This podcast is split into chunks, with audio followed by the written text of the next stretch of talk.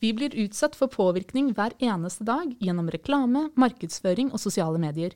Men hva skjer når dette settes inn i en militær sammenheng? Ugradert kort forklart. En podkast fra Forsvarets forskningsinstitutt. Velkommen til Ugradert kort forklart, en podkast der vi forklarer et begrep eller tema på maks åtte minutter. Mitt navn er Katinka Brattberg, og med meg i studio i dag har jeg spesialrådgiver Eskil Grendal Sivertsen, som skal hjelpe oss med å forstå hva påvirkningsoperasjoner er. Velkommen hit. Takk for det. Vi har nok alle en viss forståelse av hva påvirkningsoperasjoner, eller psyops som det heter på fagspråket, innebærer. Men fins det egentlig en enkel forklaring eller definisjon på hva dette er for noe? Det fins flere definisjoner, men litt sånn enkelt forklart så kan man jo si at påvirkningsoperasjon det er når en aktør forsøke å manipulere virkelighetsoppfatninga til en målgruppe for å um, oppnå gunstige fordeler for sine egne mål. Kan du gi oss noen eksempler på hvordan påvirkningsoperasjoner i henholdsvis da fredstid eller krise eller krigstid fortoner seg? Det er mange aktører som gjør det. Det begynner å bli ganske komplisert. Men si, alle driver jo med påvirkning, og det er jo det som gjør litt, dette litt krevende. Stater bruker typisk påvirkningsoperasjoner for å, å påvirke eh, målgruppas eh, syn eh, til fordel for, for, for seg selv. F.eks. Russland er jo veldig aktiv med å forsøke å svekke tilliten i vestlige samfunn og, og, formidle en historiefortelling som er i tråd med den fortellinga som Russland og Putin ønsker å fortelle, som kanskje står i kontrast med, med andres oppfatninger av virkeligheten. Eh, så Da handler det jo om å skape gunstige forutsetninger for å nå egne strategiske mål. Eh, så har du jo eh, og organisasjoner, andre terrorgrupper f.eks. IS var jo veldig aktiv i å påvirke sine målgrupper for å rekruttere nye medlemmer og skremme andre. Organisasjoner bruker påvirkning for å, for å nå mål, og vi skiller jo mellom det som er åpent og fordekt. Så åpen påvirkning, som er helt vanlig i et demokrati, jo, kan jo være problematisk, man, men ikke, ikke illegitimt. Så når man tar i bruk falske kontoer for eksempel, på sosiale medier og manipulasjonsteknikker for å forlede noen, da kaller vi det påvirkning. Og når det er satt i system, da blir det en påvirkningsoperasjon. Og du er spesialrådgiver her ved FFI og jobber til daglig med disse problemstillingene og forsker på påvirkningsoperasjoner. Fortell litt om hvordan dette forskes på ved FFI. Hvilke temaer og problemstillinger er det dere ser særlig på? Ja, vårt utgangspunkt er jo først og fremst eh, Forsvaret og norske myndigheters behov. Eh, og så er jo en utfordring med dagens sammensatte trusselbilde, som påvirkning er en del av, er at det er veldig vanskelig å skille mellom militært og sivilt. Hvem, hvem, har ansvaret for dette? Er dette et militært problem med en militær løsning, eller er det et sivilt problem med en sivil løsning? Og Svaret er nok en kombinasjon av begge. Eh, vi ser bl.a. på hvordan eh, påvirkning kan eh, få konsekvenser for Forsvarets operative evne og mulighet til å drive operasjoner. Hvordan påvirkning kan påvirke et politisk eller et folkelig handlingsrom for å ta i bruk Forsvaret f.eks.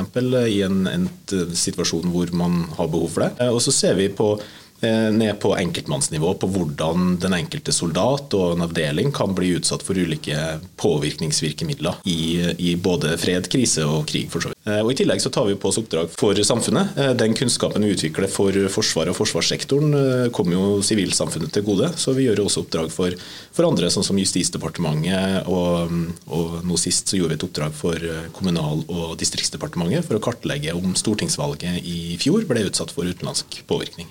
Hva fant dere ut da? Vi fant, at, uh, vi fant ingen tegn på at utenlandske aktører hadde aktivt forsøkt å påvirke valgresultatet, valgdeltagelsen eller tilliten til valget. Men vi fant flere eksempler på utenlandske aktører som aktivt sprer desinformasjon til norske målgrupper. Uh, men fordi vi ikke kunne knytte til valget, så har vi ikke undersøkt de funnene nærmere. Men, uh, men vi ser flere, både på Facebook og Twitter, aktivitet retta mot nordmenn, å, særlig på på, eh, litt sånn på konspirasjonsteorier, QAnon, og på, på covid-19-desinformasjon. Nå har du jo sagt eh, litt om det allerede, men hva er det fremmede aktører kan ønske å oppnå en, gjennom en påvirkningsoperasjon mot f.eks. Norge eller andre vestlige stater? Ja, Det kommer jo an på aktøren. Ehm, for Norges del, når vi snakker om statlige aktører, så peker jo alle de tre tjenestene, altså PST, E-tjenesten og Nasjonal sikkerhetsmyndighet, på Russland og Kina som de aktørene som med størst sannsynlighet vil kunne ha interesse av å påvirke Norge. Vi har sett mest på, på Kina og Russland av den grunn. De opererer litt forskjellig. Russland har i mange år forsøkt å påvirke og skape effekten, altså svekka tillit. Eh, forsterke eksisterende konflikter i samfunnet, få oss til å ha mindre tillit til hverandre, mindre tillit til mediene mediene, mindre tillit til myndighetene, og, og sånn sett um, svekke demokratiet fra innsida.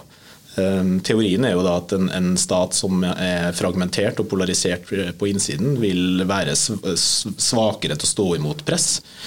Og Det er jo en sånn russisk eh, modus operandi mot, mm. mot, mange land. og De gjør jo det også for å, å sette land mot hverandre. Sånn at Norges posisjon kanskje kan svekkes overfor våre allierte og venner Eh, kan også være et, et, mål. Kina har vært mer aktiv. De gjør litt av det samme nå, men de har vært mer aktive på å prøve, forsøke å promotere Kina som, som en ansvarlig, stor, viktig aktør, og frem, fronte det kinesiske synet um, mer enn å, å, skape konflikt i andre land. Mm.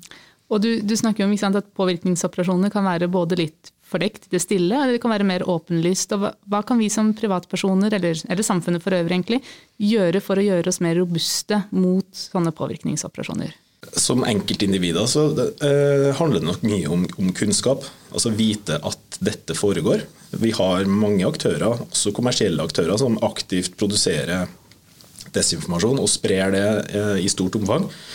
Uh, og så, så, å være kritisk. Uh, det tror jeg nok. Kildekritikk er jo én ting. Du, ser du påstander som, som, uh, som, du reagerer på, sjekke om det er andre som rapporterer det samme, og så, og så prøve å faktasjekke det litt. Men så er det en utfordring, for det er jo ikke alt som kan faktasjekkes. Og det er jo, så, så Man kan ikke løse alt med det. Men Bruk av humor og memes og, og sånn f.eks., som er egnet til å underbygge en eller annen oppfatning eller en holdning, men som ikke er en påstand som kan faktasjekkes. Eh, så vær litt obs på sånne ting også. Være, ja, være, kritisk, ikke dele ting videre bare fordi at du er enig i det eller, det var, eller håper at det er sant, men, men ta en ekstra runde og, og sjekk det. Når det er sagt, så er jo litt av det som er krevende med det her, er jo at desinformasjon spres um, i snitt seks ganger raskere enn Eller falske nyheter spres seks ganger raskere enn en vanlige nyheter. og Grunnen til det er jo at de er veldig sånn, emosjonelt vinkla. Det treffer oss i hjertet mye mer enn i hodet. Eh, så vi blir sint eller trist eller får en eller annen følelsesmessig reaksjon. og da får vi lavere kritisk sans, og vi har mye mer eh, trang til å dele det videre.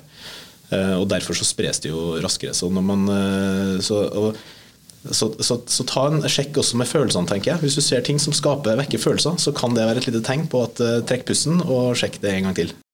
En fin, fin oppfordring her på slutten. Og det var det vi rakk i dag. Så tusen takk til deg, Eskil, for at du hadde tid til å komme. Og hvis du som lytter vil ha enda mer informasjon om dette temaet, så finner du det på FFI.no.